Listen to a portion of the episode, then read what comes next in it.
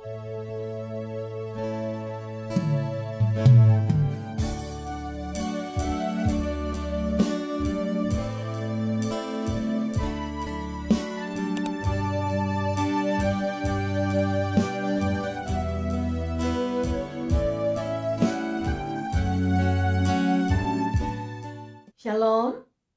Selamat siang Bapak Ibu Saudara-saudari yang terkasih. Kita bertemu kembali. Mari kita satu dalam doa. Bapa di dalam surga kami mengucap syukur. Terima kasih, terima kasih, terima kasih Yesus. Engkau sudah memberikan roh penolong dan roh penghibur, yaitu roh kudus yang engkau kirimkan bagi setiap kami. Karena engkau tahu persis ya Tuhan, apa yang kami perlukan hidup di dunia ini. Bersama dengan Roh Kudus, kami mampu melakukan segala perkara yang besar.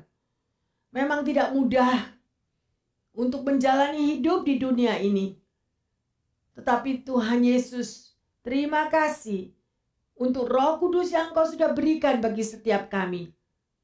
Biarlah pribadi lepas pribadi yang boleh mendengarkan akan firman-Mu pada siang ini boleh terbuka mata rohani kami, boleh terbuka hati kami. Betapa bersyukurnya kami memiliki Allah Roh Kudus.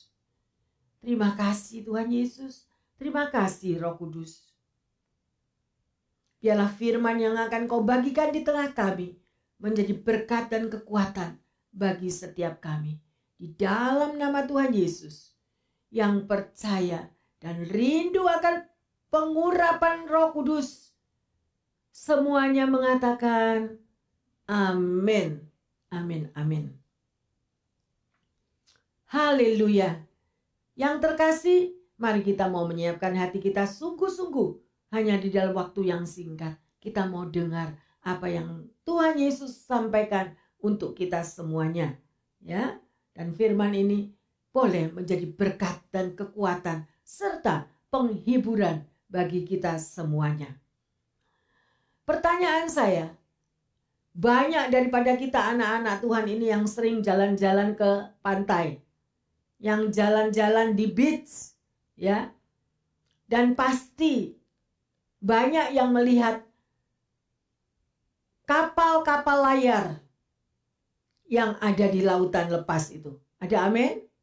Ya, sedemikian rupa kapal layar kalau saudara lihat betapa indahnya Mungkin juga jemaat yang ada di sini pernah naik kapal layar bersama Pastor Roland. Ya, kita bisa melihat bagaimana layar daripada kapal itu boleh dengan indah, ya, karena angin yang memacu dari layar itu, sehingga kapal ini atau sailboat ini boleh berjalan, ya. Adakah orang yang punya sailboat cuma buat pajangan? Jadi cuma ditaruh di tepi pantai atau di tepi laut. Jadi buat cuma lihat-lihatan, tapi kapalnya nggak jalan. Ya. Mungkin Anda juga ada pertanyaan, bisakah kalau Anda ada di dalam kapal layar itu, Anda berada di dalam sailboat itu, anda mendayung supaya kapal layar itu berjalan hanya dengan tangan kita. Jadi tangan kita kita taruh di sebelahnya kapal itu, terus kita mendayung pakai tangan kita supaya kapalnya jalan. Ya. Jadi dengan air gitu tangan kita menyentuh air terus kita dayung dengan tangan kita. Apakah dengan demikian kapal kita itu bisa berjalan kalau kita mau pergi ke Hawaii misalnya? Bisa maju kapalnya? Pasti tidak. Jadi apa yang membuat kapal layar ini bisa berjalan?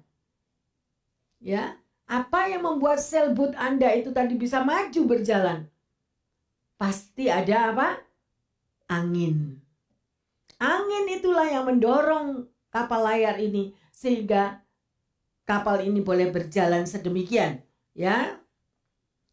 Jadi, karena dengan adanya kuasa angin yang mampu menggerakkan kapal layar tersebut.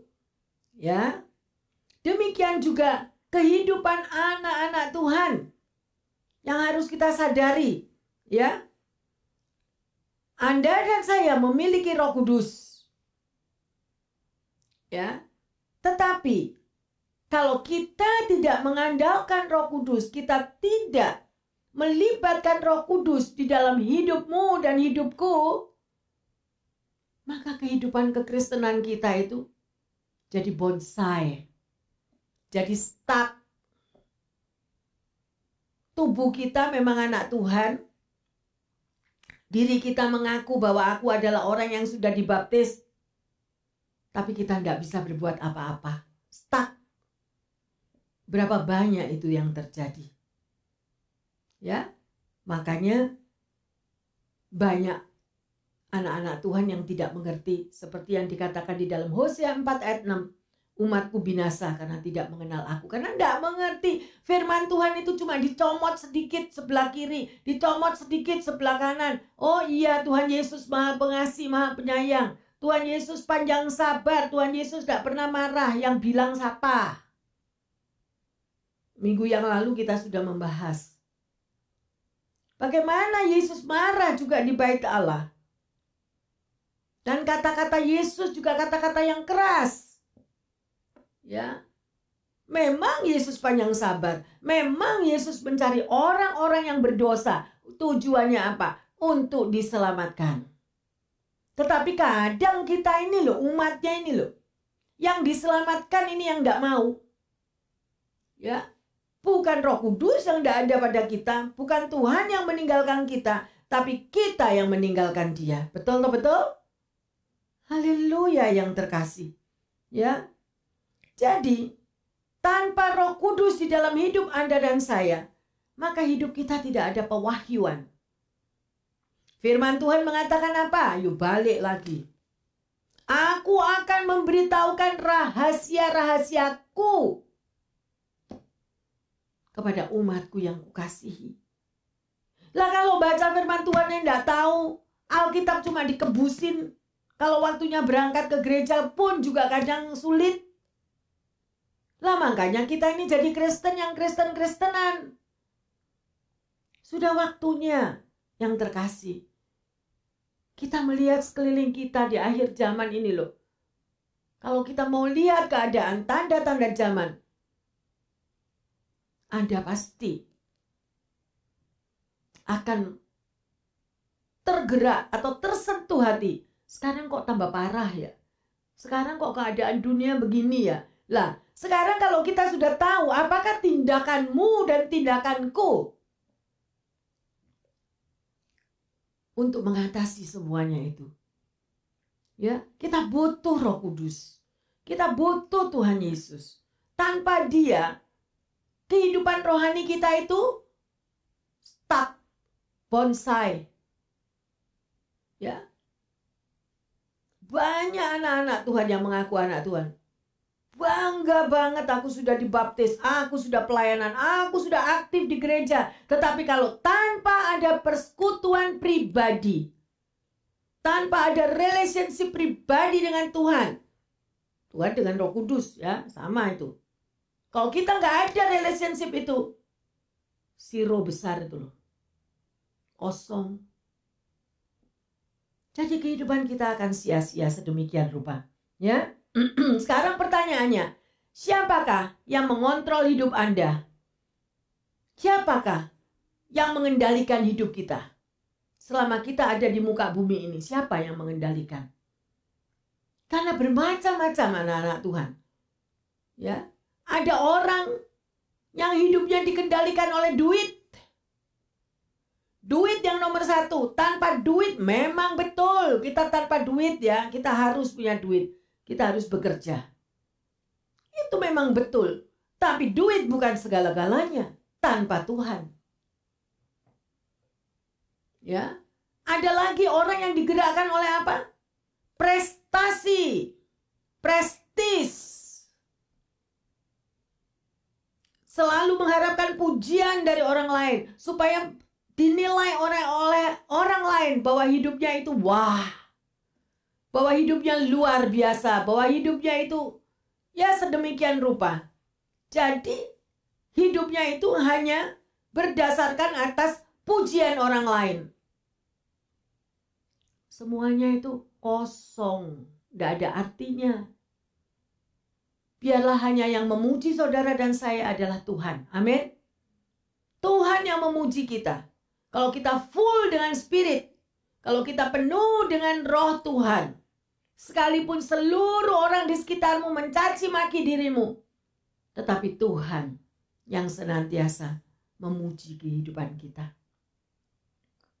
Ya, mari yang terkasih.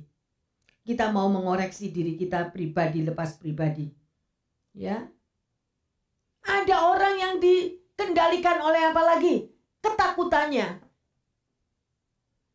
Ya, ini takut, itu takut, ini takut. Saya juga punya perasaan takut sama.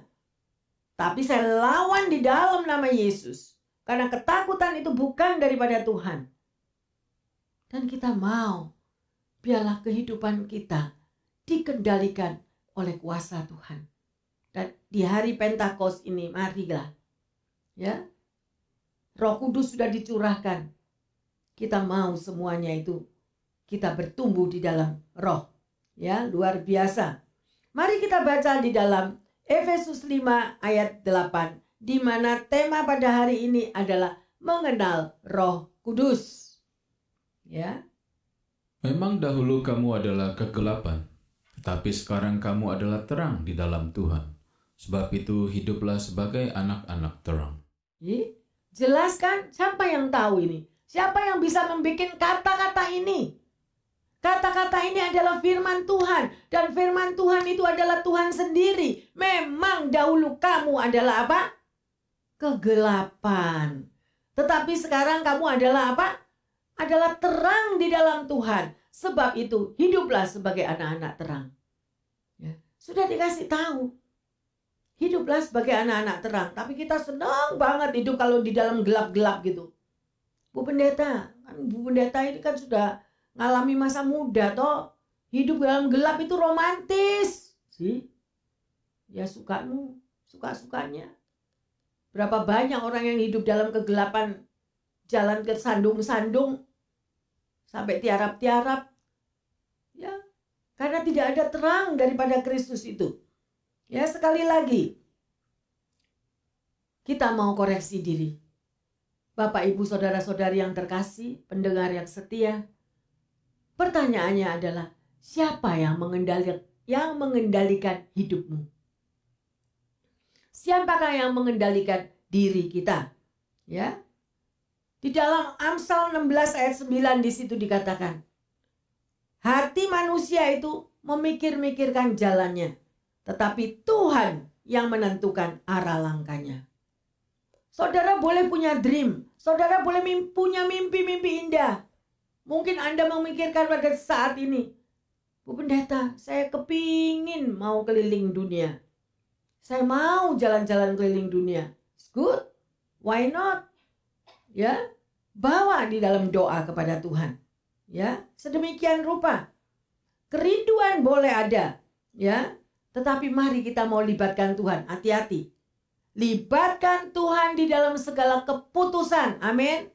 Jangan kita ini jadi Tuhan sendiri, memutuskan diri kita sendiri. Ya, kadang-kadang keputusan kita itu salah.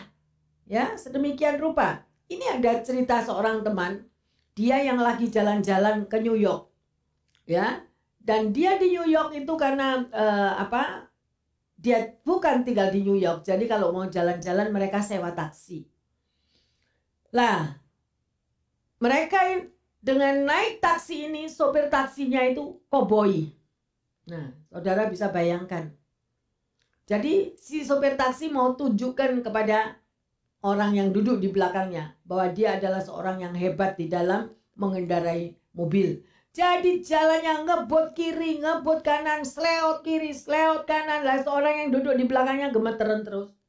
Cepet-cepetan cepet sudah sampai, udah turun sedemikian. Nah di sinilah kita bisa membayangkan bagaimana kalau hidup saudara dan saya dikendalikan oleh orang lain. Betul apa betul-betul? Nah, ada kadang-kadang memang kita terpaksa. Bukan sopir taksi semua koboi ya. Enggak, sopir taksi ada yang baik juga. Ya, jadi pada waktu sopir ini drive ya membelok secara tiba-tiba ya jalannya benar-benar sedemikian kencangnya suka mengerem secara mendadak lah sedemikian rupa. Jadi orang yang naik taksinya itu pada ketakutan ya. Jadi di dalam frustasi dan ketakutannya dia sadar. Iya hidup di dunia banyak hal-hal yang mengendalikan ya. Siapa pun orangnya yang mengendalikan sedemikian rupa Ya, jadi hidup kita itu banyak bergantung dengan apa yang ada di sekeliling kita. Dan itu adalah kecenderungan manusia untuk selalu mengendalikan segala sesuatu. Kita sendiri nih loh, mau take control. Ya, kalau kita mau take control yang baik, yang positif masih tidak apa-apa. Tapi kadang-kadang kita ini take control atau mau mengendalikan sesuatu yang tidak baik yang negatif sedemikian rupa. Ya. Sebagai pengikut sebagai pengikut Kristus, kita perlu menyerahkan diri kita, kehidupan kita di dalam tangan Tuhan. Ya, karena Dia yang mengendalikan hidup saudara dan saya. Ada amin? Ya. Jadi rasa takut apa pun kita balikin lagi kepada Tuhan. Tuhan aku tidak tahu. Mungkin Anda sudah memikirkan masa depan hidupku bagaimana masa depan anak-anakku bagaimana, masa depan ini semua udah dirancang luar biasa di dalam pikiran kita. Tetapi mari kita mau melibatkan Tuhan dan memberikan semuanya itu kepada Tuhan yang mengendalikan hidup Anda dan saya. Nah, itu yang harus tahu. Ya, bukan orang lain, bukan bos Anda yang mengendalikan, ya. Tidak ada, ya, bukan anak kita yang mengendalikan, ya di dalam kehidupan kita, tetapi biarlah Tuhan yang ambil alih, yang mengendalikan setiap kehidupan kita, ya. Memang kita harus punya planning di dalam hidup. Ya, karena kita mau bertanggung jawab supaya hidup kita itu tidak salah jalan. Bagus itu. Tetapi ayo libatkan Tuhan di dalam planningnya Anda. Dalam rancangan-rancangan Anda. Ya, supaya Tuhan yang mengambil alih, Tuhan yang bekerja. Dan percayalah, masa depan Anda dan saya akan terjamin di dalam tangan Tuhan, bukan di dalam tangan manusia, karena Dia adalah Allah yang Maha Tahu. Ada amin? Haleluya! Banyak sekali pendidikan yang salah, pendidikan orang tua kepada anak-anaknya. Kalau orang tua itu otoriter, ya, sedemikian rupa sehingga anaknya juga akhirnya menjadi korban. Ya, seorang bos, seorang manajer, atau seorang guru terhadap muridnya. Makanya menghasilkan daripada murid-murid menghasilkan daripada semua yang bekerja itu menjadi orang yang pemberontak. Why? Karena hidupnya selalu ditekan. Karena perilaku dari yang otoriter tadi. Ya. Mari yang terkasih, kita mau balik dan belajar dari uh, firman Tuhan. Contoh misalnya, ya saya punya uh, teman tetangga. Itu bapaknya kalau ngatur anaknya untuk makan selalu dikatakan makan sayur. Ayo nak makan sayur. Kenapa anaknya dididik untuk selalu makan sayur melibatkan sayur? Why? Karena itu sehat. Betul betul? Sayur itu adalah sehat. Ya sedemikian rupa. Terus lagi ada bapak yang saya dengar sendiri Jangan pegang kabel listrik. Loh, anak kecil ini. Jangan main sama kabel listrik. Why? Karena si bapak ini tahu itu adalah sesuatu yang baik buat anak-anaknya. Betul betul? Kalau sampai anaknya kesetrum gimana? Luar biasa. Ya, saya punya teman, teman dari kecil. Pada waktu dia menceritakan kisahnya, anaknya itu pegang kabel listrik. Pada waktu dia pegang kabel listrik itu kesetrum tapi di depan mamanya. Mamanya melihat tubuh anaknya ini udah uh, apa? kejat-kejat itu apa itu? Ya, sedemikian rupa sampai mamanya itu ambil sapu, gagangnya sapu itu sapu ya. Dia putuskan, dia pukul itu yang namanya uh, kabelnya listrik itu sampai lepas dari tangan anaknya. Lah sedemikian rupa Demikian juga pendidikan Tuhan bagi Anda dan saya. Kalau Tuhan itu mendidik kita, Tuhan menegur kita pasti untuk kebaikan. Kalau bapak ini tadi menegur anaknya, jangan main listrik. Pasti untuk keselamatan anaknya. Ya, sedemikian rupa. Tapi banyak sekali anak-anak Tuhan kalau ditegur oleh firman Tuhan, mereka marah. Mereka nggak terima. Ya, seolah-olah sudah nggak ada artinya. Siapa yang memberikan nafas hidup ini udah nggak ada artinya di dalam hidupnya. Mari kita mau belajar secara, secara jelas ya bahwa yang pegang kendali sekali lagi dalam hidup Anda dan saya adalah Tuhan. Ya. Belum lagi kalau bapaknya bilang, "Ayo Nak, bacalah Alkitab." Apa jawab mereka? Oh, nggak ngerti, nggak ngerti itu Alkitab itu buku tua, Alkitab itu buku kuno, saya nggak ngerti, nggak mau pegang aja. Sekarang ayo koreksi diri yang terkasih. Kalau kita mau supaya anak kita itu baca firman Tuhan, koreksi diri sendiri dulu. Apakah kita yang sebagai ortu ini juga mempunyai waktu untuk baca firman Tuhan, duduk bercakap-cakap dengan Tuhan, mempunyai waktu saat teduh bersama Tuhan. Kalau orang tuanya sendiri tidak melakukan hal itu, jangan nuntut anaknya. Semuanya itu adalah contoh, sampel yang kita berikan kepada anak-anak kita. Ada amin? Haleluya. Ya, ada beberapa hal yang kita pelajari. Prinsip yang pertama sebagai kita anak Tuhan, kita harus memiliki kerinduan untuk mau mengenal Tuhan. Untuk mau membaca firman Tuhan. Harus rindu dulu. Ya. Siapa yang pernah punya pacar itu Pasti pernah memikirkan gimana sih kalau orang kangen itu? Gimana kalau orang itu rindu? Nah itu loh. Lah kalau kita nggak pernah rindu ketemu Tuhan, pasti juga nggak bakal rindu untuk mau membaca firmannya. Padahal ini adalah surat cinta firman Tuhan itu. Isi segala macam pergumulan hidup jawabannya ada di dalam Alkitab. Ya, sekali lagi saya katakan sebagai anak Tuhan, ya, milikilah kerinduan bersekutu dengan Tuhan Yesus dan membaca firman-Nya. Amin. Yang kedua, kita harus menyerahkan seluruh beban pergumulan kita kepada Tuhan. Surrender all. Gak bisa kita mau menyerah cuma 75% atau 90%. Udah Bu Pendeta saya sudah serahkan kepada Tuhan. Udah. Buktinya itu akan terjadi, akan terlihat sedemikian rupa. Adakah kita penyerahan diri kepada Tuhan? Kalau orang menyerah total, dia mau ditegur. Dia bisa menerima. Karena itu adalah Tuhan sendiri yang berbicara. Amin. Yang ketiga, kita harus memiliki iman. Nah, ya kalau kita tidak memiliki iman, gitu, kita tidak memiliki kepercayaan kepada Tuhan, memang sangat sulit.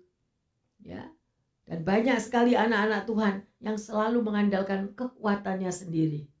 Aku bisa, pendeta, aku masih mampu, aku masih bisa bekerja, aku masih bisa melakukan ini itu. Ya, tapi Tuhan mau kita surrender, melibatkan Tuhan di dalam segala perkara kita. Ya. Sekarang pertanyaannya, berapa banyak anak-anak Tuhan yang sudah menerima jamahan Roh Kudus? Ya, pasti ada sesuatu yang berbeda. Kalau kita itu sudah terjamah oleh Roh Kudus, ya. Nggak ada itu orang yang sudah dijamah Roh Kudus itu untung-untungan. Oh, Bu Pendeta dia bisa bahasa roh kan karena dia beruntung. Nggak ada. Nggak ada untung-untungan. Kuncinya itu cuma satu. Kalau Anda mau melekat kuat, memiliki hubungan intim, memiliki hubungan pribadi dengan Tuhan, disiplin, Saudara pergi ke dokter, sakit, dikasih antibiotik. Every day. Kamu harus minum obat ini setiap hari. Ya. Kalau Anda minumnya hari ini ingat besok lupa. Tiga hari sekali baru minum obatnya lah kapan sembuhnya. Demikian juga hubungan pribadi kita dengan Tuhan. Dia selalu menunggu Anda dan saya setiap hari, setiap waktu. Panggil dia, sebut namanya, agungkan dia, muliakan dia, anda akan lihat sesuatu yang dahsyat akan terjadi dalam hidupmu. Praktek.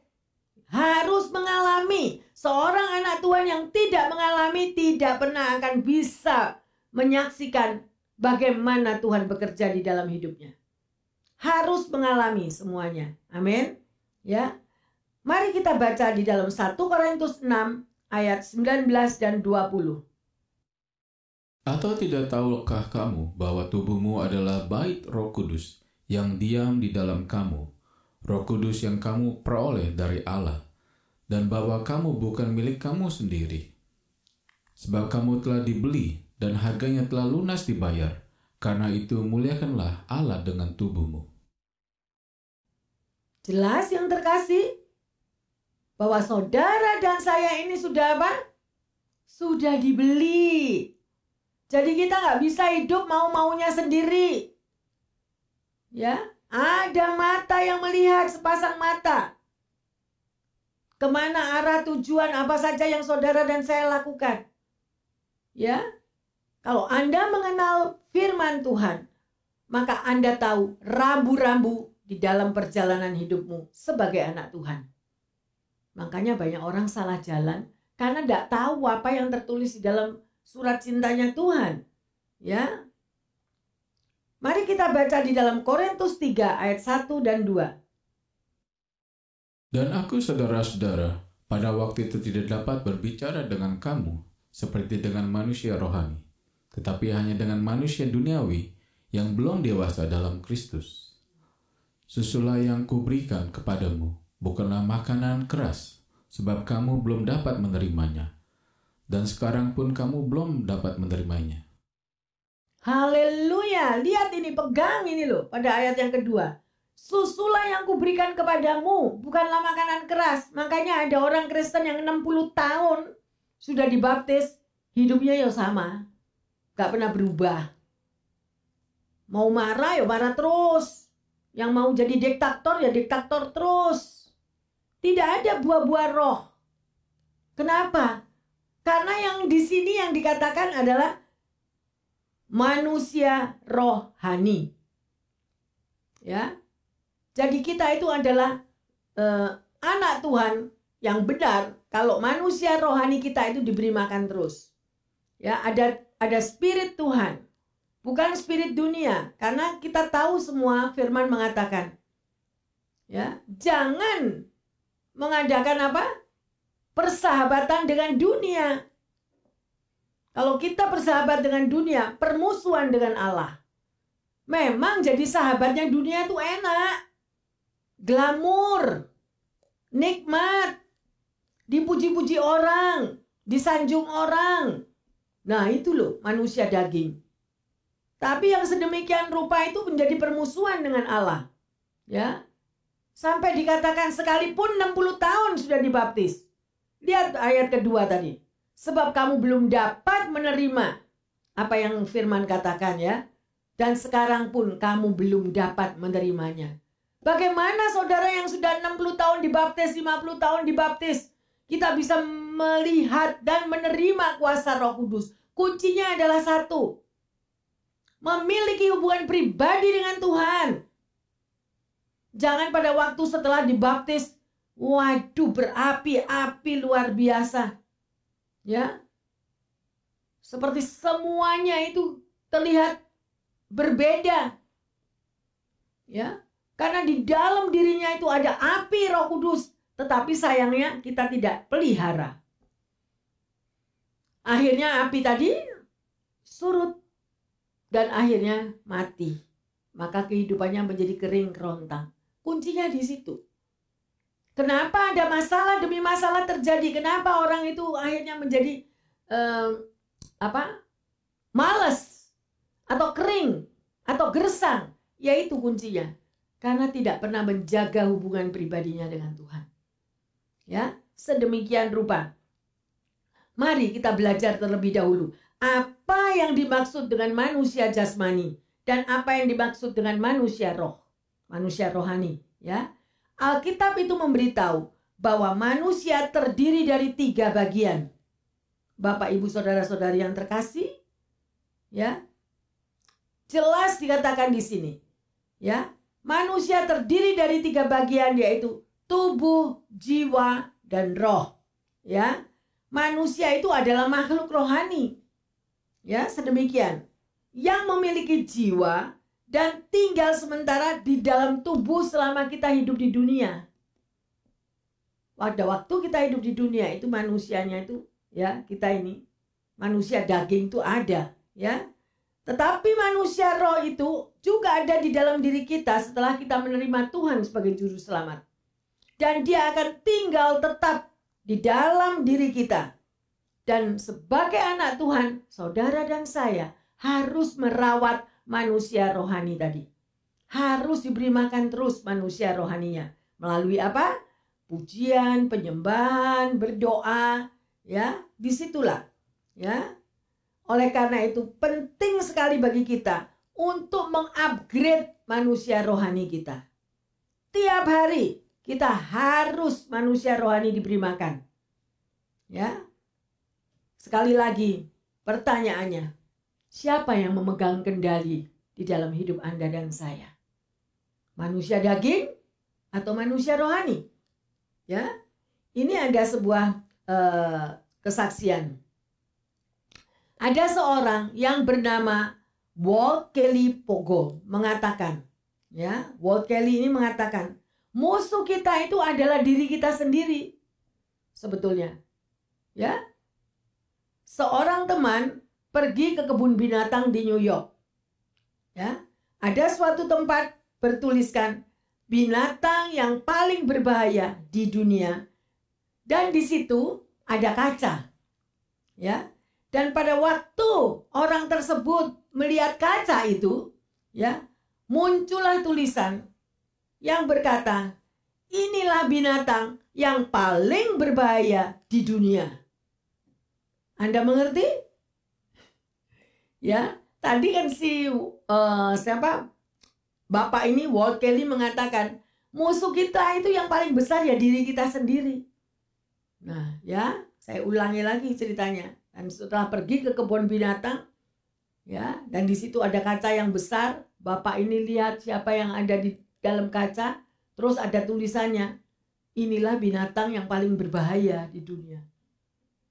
Jadi bukan orang lain, benar? Makanya tapi kenapa anak Tuhan selalu nyalain orang lain?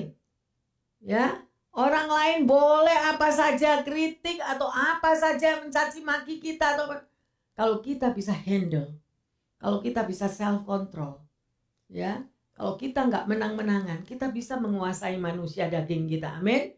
Ya, oleh karena itu mari libatkan Roh Kudus di dalam kehidupan kita. Bereskan kehidupan kita setiap hari, ya dengan Tuhan. Kita baca di dalam Galatia 5, 16 dan 17. Maksudku ialah hiduplah oleh roh, maka kamu tidak akan menuruti keinginan daging. Sebab keinginan daging berlawanan dengan keinginan roh, dan keinginan roh berlawanan dengan keinginan daging. Karena keduanya bertentangan, sehingga kamu setiap kali tidak melakukan apa yang kamu kehendaki. Luar biasa. Lah ini loh, sebagai anak Tuhan harus tahu firman ini. Pegang Galatia 5, 16, 17 ini. Ya. Hidup di dalam roh itu artinya sebuah proses kehidupan yang selalu mati dengan keinginan diri sendiri. Nah, jadi ego kita itu setiap hari harus mati. Jangan dikit-dikit marah, dikit-dikit marah, ya. Kalau kita selalu membawa attitude yang sedemikian, lama-lama nggak ada orang yang mau dekat. Siapa yang mau dekat sama tukang marah? Bener nggak? Karena nggak ada damai sejahtera. Ya, nggak ada sukacita. Mari kita selalu berjalan sesuai dengan apa yang firman Tuhan katakan. Ya. Bagaimana caranya sekarang? Kita bisa hidup di dalam roh, ya. Hidup di dalam roh artinya kita meminta Roh Kudus untuk menyertai hidupmu dan hidupku, ya, memimpin, memegang kendali di dalam kehidupan kita sehingga hati dan pikiran kita itu kita melakukan apa yang menjadi kehendak Tuhan. Amin. Ya, sedemikian rupa, ya. Sebabnya itu kita perlu membangun satu hubungan intim Jangan terus kita nih bangun hubungan cuma sama pacar terus saja yang Tuhannya di mana nggak tahu. Ya, itu daging, ya. Milikilah kehidupan doa yang baik. Nah, ini perlu. Ya, kehidupan doa itu adalah yang terpenting. Kita bersekutu, bercakap-cakap dengan Tuhan, memuji, menyembah, menyenangkan hati Tuhan. Ya, selalu ada saat teduh dan libatkan Tuhan di dalam segala aktivitas yang saudara dan saya lakukan setiap hari, maka Anda akan merasakan kemerdekaan. Ya, merasa free, damai, sejahtera ada di dalam diri kita. Ya. Yang terkasih, Hidup di dalam roh bukan berarti Anda lepas dari percobaan. Sekalipun Anda sudah hidup di dalam terus manusia rohani kita dipupuk, dibina, ya, bertumbuh terus manusia rohani setiap hari, ya, berdoa, muji, nyembah, tapi bukan berarti kita lepas dari pencobaan, ya. Ingat itu. Ya, sedemikian rupa. Tetapi pada waktu pencobaan itu datang, kita bisa mengatasinya. Itu bedanya. Dan kalau ada orang yang sedemikian rupa kita sampai lost control, perlu ditanya. Bagaimana kehidupan pribadinya dengan Tuhan. Ya, sedemikian rupa. Memang kita nggak sempurna. Memang kekristenan itu adalah proses. Tapi marilah yang terkasih, bukalah hatimu untuk menerima roh kudus yang memimpin, yang pegang kendali di dalam hidup Anda dan saya. Amin. Haleluya. Jadi berjalanlah setiap hari dengan roh kudus. Ya, saudara tahu bahwa ada juga buah-buah Roh Kudus. Saudara baca sendiri di mana buah-buah Roh Kudus? Galatia 5 ayat 22 dan 23. Jadi hidup Anda sebagai anak Tuhan itu harus memiliki buah, harus punya buah daripada Roh Kudus. Ya, contohnya kalau Anda dan saya menanam buah pisang. Menanam pisang gitu ya. Maka pisang tadi akan berbuah. Amin. Dan buahnya apa? Pisang. Pisang beneran apa pisang plastik? Nah, sih itu. Banyak anak Tuhan yang sedemikian. Ya kita wujudnya kita anak Tuhan. Tetapi buah-buah yang ada di dalam diri kita. Kadang kita menyakitkan hati orang lain. Ya, Jangan selalu kita excuse, ya Bu Pendeta kan saya belum sempurna. Memang sekalipun pendeta juga nggak sempurna, tapi mari kita mau disempurnakan. Amin. Mau disempurnakan bersama dengan Tuhan. Mari kita baca di Galatia 5 ayat yang ke-25. Jikalau kita hidup oleh roh, baiklah hidup kita juga dipimpin oleh roh. Hmm. Ya, jadi kalau Anda mengatakan, ah, saya sudah membangun hubungan pribadi dengan roh kudus, ya, maka Hidup kita itu biarlah dipimpin oleh Roh Kudus. Jangan memimpin diri sendiri. Kadang-kadang kita pimpinan kita sendiri malah salah. Ya, mengambil jalan salah, mengambil keputusan salah. Karena apa? Karena memakai mengandalkan kekuatan sendiri. Libatkan Tuhan di dalam segala keputusan. Hati-hati. Ya, sedemikian rupa. Ya. Kita boleh melihat bagaimana kalau kehidupan saudara dan saya itu setiap hari. Ayo, mungkin selama ini kita belum melibatkan Roh Kudus. Tapi setelah Anda mendengarkan firman Tuhan ini, kita praktek. Ya, kita praktek. Seorang anak kecil, ya umur 10 tahun. Ini saya melihat dari uh, apa pendidikan dari ini yang cerita adalah teman saya. Dia punya anak umur 10 tahun. Kalau dia membuat homework sekolah, dia puyeng, dia pegang kepalanya sampai dia bilang aduh it's too hard it's too hard tiap kali dia begitu dan akhirnya karena dia melihat selalu di tengah keluarga itu ada mezbah keluarga pada waktu dia di dalam uh, merasakan kesulitan untuk membuat homework dia pergi ke kamar ya mamanya ngeliatin terus dia pergi ke kamar sudah gitu dia keluar lagi dia buat homework itu Nanti kalau dia tidak bisa lagi, dia pegang lagi kepalanya. It's difficult. It's sulit, dia bilang. Sangat sulit. Kemudian dia pergi lagi ke kamar. Terus keluar lagi. Terus dia buat lagi. Terus mamanya nanya, apa yang kamu kerjakan tadi? Lah kalau mamanya mikir kalau kamu uh, membuat homework kamu tinggali terus, nggak selesai-selesai. Tapi jawab anak ini, dia berkata, I'm pray mama. Luar biasa. Dia berdoa. Jadi kalau dia tidak bisa, dia masuk ke kamar, dia berdoa, kemudian dia keluar, dia tahu jawabannya. Dan itu apa? Menjadi satu kesaksian. Why? Karena mengalami. Ya, itu anak kecil loh, umur 10. Lagi mana kita pendengar yang setia Bapak Ibu? Happy papa, happy mama. Ya, kita harus melibatkan Tuhan. Jadi kalau enggak di dalam pekerjaan juga aduh stres atau gimana beratnya. Stop sejenak. Berdoa. Minta kekuatan daripada Tuhan. Ya, luar biasa. Ya. Ada satu uh, cerita juga satu kesaksian. Ini kesaksian dari anak kecil. Ini kesaksian seorang ibu. Ya. Ibu ini satu hari, dia anak Tuhan yang selalu bersekutu dengan Tuhan. Satu hari dia tidak ada hujan, tidak ada angin, dia bangun tidur, mukanya sebelah ini creepy. Dia kaget, mulutnya tidak bisa digerakkan, matanya turun ke bawah, pipinya turun ke bawah, bibirnya juga. Sedemikian rupa, sampai suaminya kaget melihat hal-hal yang sedemikian rupa. Apa yang terjadi? Ya, kalau Orang yang mengalami hal yang seperti ini, dapatkah dia memuji Tuhan? Mungkin sudah panik, betul? Dia sudah panik, dia sudah marah. Ya, apalagi dia adalah seorang ibu pendoa di gereja. Loh, dia mengalami hal itu. Jadi dia bisa kecewa. Tetapi apa yang ibu ini terima? Dia mengucap syukur, dia tetap bersuka cita. Ya, walaupun sebelah uh, apa wajahnya itu sudah sedemikian rupa.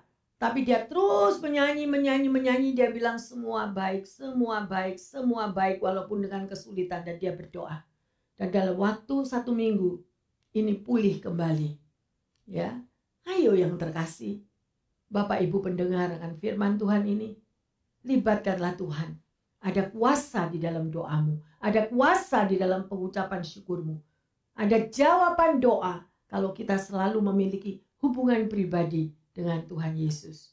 Ada amin? Haleluya. Ya sedemikian rupa. Ya. Anda tahu, pasti pendengar yang ada di sini Anda maybe memiliki motor atau mobil. Ya. Apakah motor atau mobil itu tadi bisa jalan kalau tidak ada apa? Gak ada mesinnya. Bisa jalan? Gak bisa. Sekalipun sepeda motor saudara gak akan jalan. Mobil lagi. Kalau tidak ada mesinnya ya cuma mobil tapi nggak bisa jalan. Demikian juga daripada anak-anak Tuhan. Kalau kita mengaku sebagai anak Tuhan, tetapi kita tidak memiliki hubungan pribadi dengan Tuhan dan Roh Kudus ya, yang terkasih. Maka kita ini kosong. Kosong. Jalan ya jalan, kayak robot bisa ya semuanya kelihatan hebat, kelihatan luah, kelihatan glamur, tetapi empty, tapi kosong. Sedemikian rupa apa gunanya? Di akhir zaman, kunci ada di dalam diri Anda dan saya. Bukan cuma akhir zaman, dari zaman dahulu kala, zaman Yesus. Ya, kalau Anda di dalam diri kita itu kosong, tidak ada hubungan pribadi dengan Tuhan dan Roh Kudus, maka kita itu apa yang kita lakukan semuanya itu adalah sia-sia. Ya, sedemikian rupa. Ya, kita sangat memerlukan campur tangan Tuhan, campur tangan Roh Kudus. Ya, saya percaya bagi pendengar yang setia yang di sini, ya, kalau Anda memiliki barang-barang elektronik, nah, ya semua pasti tahu kalau kita disebut barang-barang elektronik, ya, sedemikian rupa. Tetapi kalau tidak ada energi listrik yang mengalir di dalamnya, apa bisa bekerja? Gak bisa. Ayo yang terkasih, kita mau sadar, kita mau memperbaiki diri kita, ya. Sehingga semuanya itu tidak bisa digunakan ya. Hidup Anda dan saya adalah berkat anugerah daripada kasih Allah Bapa untuk kita juga boleh menjadi berkat bagi sesama kita. Ya. Rasul Paulus juga memberitahukan akan hal itu kepada jemaat yang ada di rumah. Ya. Mereka harus hidup selalu dipimpin oleh Roh Kudus. Ya. Karena hanya Roh Kudus yang dapat melepaskan saudara dan saya daripada keinginan daging. Keinginan daging itu sudah Kak. Ya, saudara, saya tidak mau menghakimi. Anda pasti tahu sendiri. Ya, anda boleh baca di dalam Roma 8 ayat 2 di situ mengatakan ya, roh yang memberi hidup telah memerdekakan kamu dalam Kristus dari hukum dosa dan hukum maut. Loh. Si roh berarti Roh Kudus. Ya, sedemikian rupa. Kalau kita mengandalkan kekuatan kita sendiri, maka semuanya itu akan sia-sia, ya. Dan kita akan terjebak selalu hidup di dalam manusia lama kita. Ya. Berbuat dosa, menyesali dosa dan itu terus silih berganti. Ya, menjadi satu siklus kehidupan. Ya. Tetapi kita di dalam kehidupan yang selalu bersekutu dengan Tuhan, kita akan tahu apa yang harus kita perbuat. Mari kita lanjut di dalam kisah 13 ayat yang ke-52. Dan murid-murid di Antioquia penuh dengan sukacita dan dengan Roh Kudus. Ya, mengapa murid-murid di Antioquia di Antioquia ini penuh dengan sukacita? Karena Roh Kudus ada di dalam hidup mereka. Karena mereka dilawat oleh Roh Kudus. Ya. Jadi, buah daripada Roh Kudus itu adalah hidup Anda walaupun di dalam tantangan pergumulan tetap ada sukacita. Seperti ibu yang mengalami kripi sebelah wajahnya itu tadi. Amin. Haleluya, tetap ada damai, tetap ada kasih Bapa. Ya. Kita juga akan melihat di dalam Efesus 5 ayat 20 dan 21. Ucaplah syukur senantiasa atas segala sesuatu dalam nama Tuhan kita Yesus Kristus kepada Allah dan Bapa kita. Dan rendahkanlah dirimu seorang kepada yang lain di dalam takut akan Kristus. Amin. Ya, jadi di dalam kitab Efesus 5 ini benar-benar semuanya itu tertulis dengan jelas. Untuk Anda bisa mengalami damai, sejahtera, sukacita, ucapkanlah syukur senantiasa. Ya, kepada Tuhan kita. Dan satunya apa? Lagi dikatakan 21. Rendahkanlah dirimu satu dengan yang lain. Jangan ada kesombongan. Ya, karena kesombongan itu adalah awal dari kehancuran. Semuanya ada dan itu firman Tuhan yang berbicara. Bapak Ibu Saudara yang terkasih, saya mau katakan, di dalam kitab Efesus 5 itu, itu sangat amat jelas. Ya, di situ tertulis surat cinta daripada Tuhan. Bagaimana hubungan suami istri. Bagaimana itu hubungan antara anak dan orang tua. Bagaimana itu hubungan di tengah keluarga. Ya, bagaimana ke hubungan dengan sesama. Karena banyak sekali sekarang ini zamannya komputer, zamannya internet semua banyak anak-anak muda yang tidak mau punya teman. Tidak ada pertemanan, mereka cuma puas hanya ditemani sama komputer. Tidak keluar-keluar dari kamar, hanya main game di kamar, komputer di kamar. Betul lah betul, ayo. Iya, terus mau apa? Tidak ada kehidupan sosialisasi lagi. Padahal firman Tuhan itu tertulis dengan jelas. Ayo, pendengar yang terkasih, Baca Efesus 5 semua. Maka Anda akan tahu apa yang tertulis di situ. Ya. Jadi anak Tuhan harus memiliki hubungan relationship yang pertama dengan Tuhan. Ya. Kemudian yang kedua dengan sesama. Di tengah keluarga, di tengah pekerjaan, dan di tengah pertemanan. Itu sangat amat penting. Sudah ada rule-nya, sudah ada tertulis di situ. Ya. Billy Graham pernah menceritakan tentang suatu pertobatan yang dialami oleh Morrison, ya, namanya Mr. Morrison. Dia adalah pendiri dari Asbury Theology Seminary. Ya. Ia mengungkapkan bahwa pada satu hari Morrison ini pada waktu bekerja di tanah pertaniannya sedang membajak sawah. Tiba-tiba ia melihat seorang pendeta metodis yang sudah tua lewat dengan kudanya. Morrison mengenal orang tua itu sebagai orang tua yang sangat ramah dan amat saleh. Ketika melihat orang tua tersebut berjalan di depannya pada hari itu, ia seperti disadarkan akan dosanya yang sangat besar dan ia sampai jatuh berlutut di antara pematang-pematang sawahnya.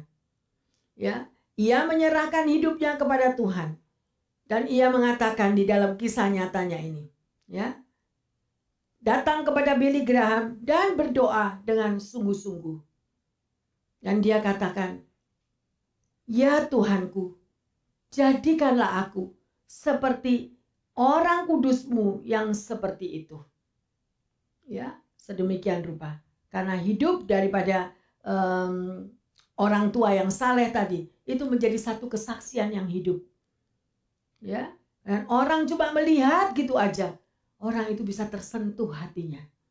Bagaimana perilaku daripada buah-buah yang dia hasilkan menjadi kesaksian bagi orang-orang di sekelilingnya sehingga membawa orang lain itu bertobat ya.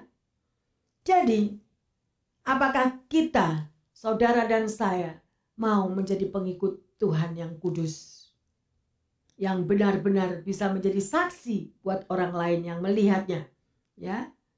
Kalau Anda mampu ayo mari praktekkanlah mulai dari sekarang ubahlah kehidupan kedagingan kita ya. Kekudusan yang sejati dan abadi itu berasal dari siapa yang dalam diri kita? Yaitu dari hubungan pribadi kita dengan Tuhan. Ada amin? Haleluya. Ya, sekalipun kita tidak melakukan apa-apa, orang lain yang akan melihat dirimu dan diriku. Ya. Sekalipun kita sampai pada usia yang tua, ya, sekalipun kita dalam keadaan sakit, dalam keadaan apa pun, kita masih tetap bisa berbuah. Ayo, yang terkasih, di manakah buah-buah yang sudah saudara dan saya hasilkan? Ya, masing-masing. Mungkin saat ini ada pendengar yang lagi terbaring sakit. Mungkin saat ini ada yang mengalami tantangan pergumulan. Ya, tapi saya percaya kalau Anda memiliki hubungan pribadi dengan Roh Kudus, pasti hidup kita akan menjadi kesaksian yang baik. Saudara bisa baca sendiri di dalam Yohanes 15 ayat 1 sampai 11. Ya. Dan di situ pada ayat 16 dikatakan, Anda akan menghasilkan buah yang tetap. Loh, tetap berbuah walaupun di usia yang tua. Ya, dan itu adalah kesaksian yang amat kuat yaitu kesaksian kita pribadi. Ya, hidup kita pribadi. Ya. Jadi sekali lagi saya mau mengatakan kehidupan anak-anak Tuhan itu begitu indah dan luar biasa kalau kita memiliki hubungan intim dengan Tuhan. Ada amin. Dan sebagai ayat emas, mari kita lihat di dalam kisah 11 ayat yang ke-24. Karena Barnabas adalah orang baik, penuh dengan roh kudus dan iman. Sejumlah orang dibawa kepada Tuhan. Amin. Kita bisa lihat di sini Barnabas adalah orang yang baik apa? Penuh dengan apa? Penuh dengan Roh Kudus dan iman. Maka dia mampu membawa sejumlah orang kepada Tuhan. Jadi menjadi satu kesaksian. Ya. Bapak Ibu yang terkasih, mari di dalam waktu yang luar biasa kita sudah belajar untuk mengenal Roh Kudus lebih dalam.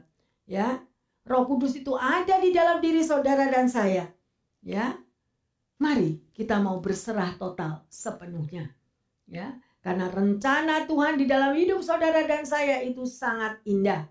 Ya, pertanyaannya, sudahkah Anda memberikan hidupmu dipimpin oleh Roh Kudus? Siapa yang sampai hari ini yang memimpin hidup saudara? Siapakah yang mengendalikan hidup Anda dan saya hingga hari ini? Itu yang pertama ya dan bagaimana melakukannya. Yang kedua, mengapa kita perlu menyerahkan diri kita untuk dipimpin oleh Roh Kudus? Mengapa? Pernah nggak mikir? Mungkin selama ini jadi anak Tuhan, oh ya jadi anak Tuhan ya gitu-gitu aja.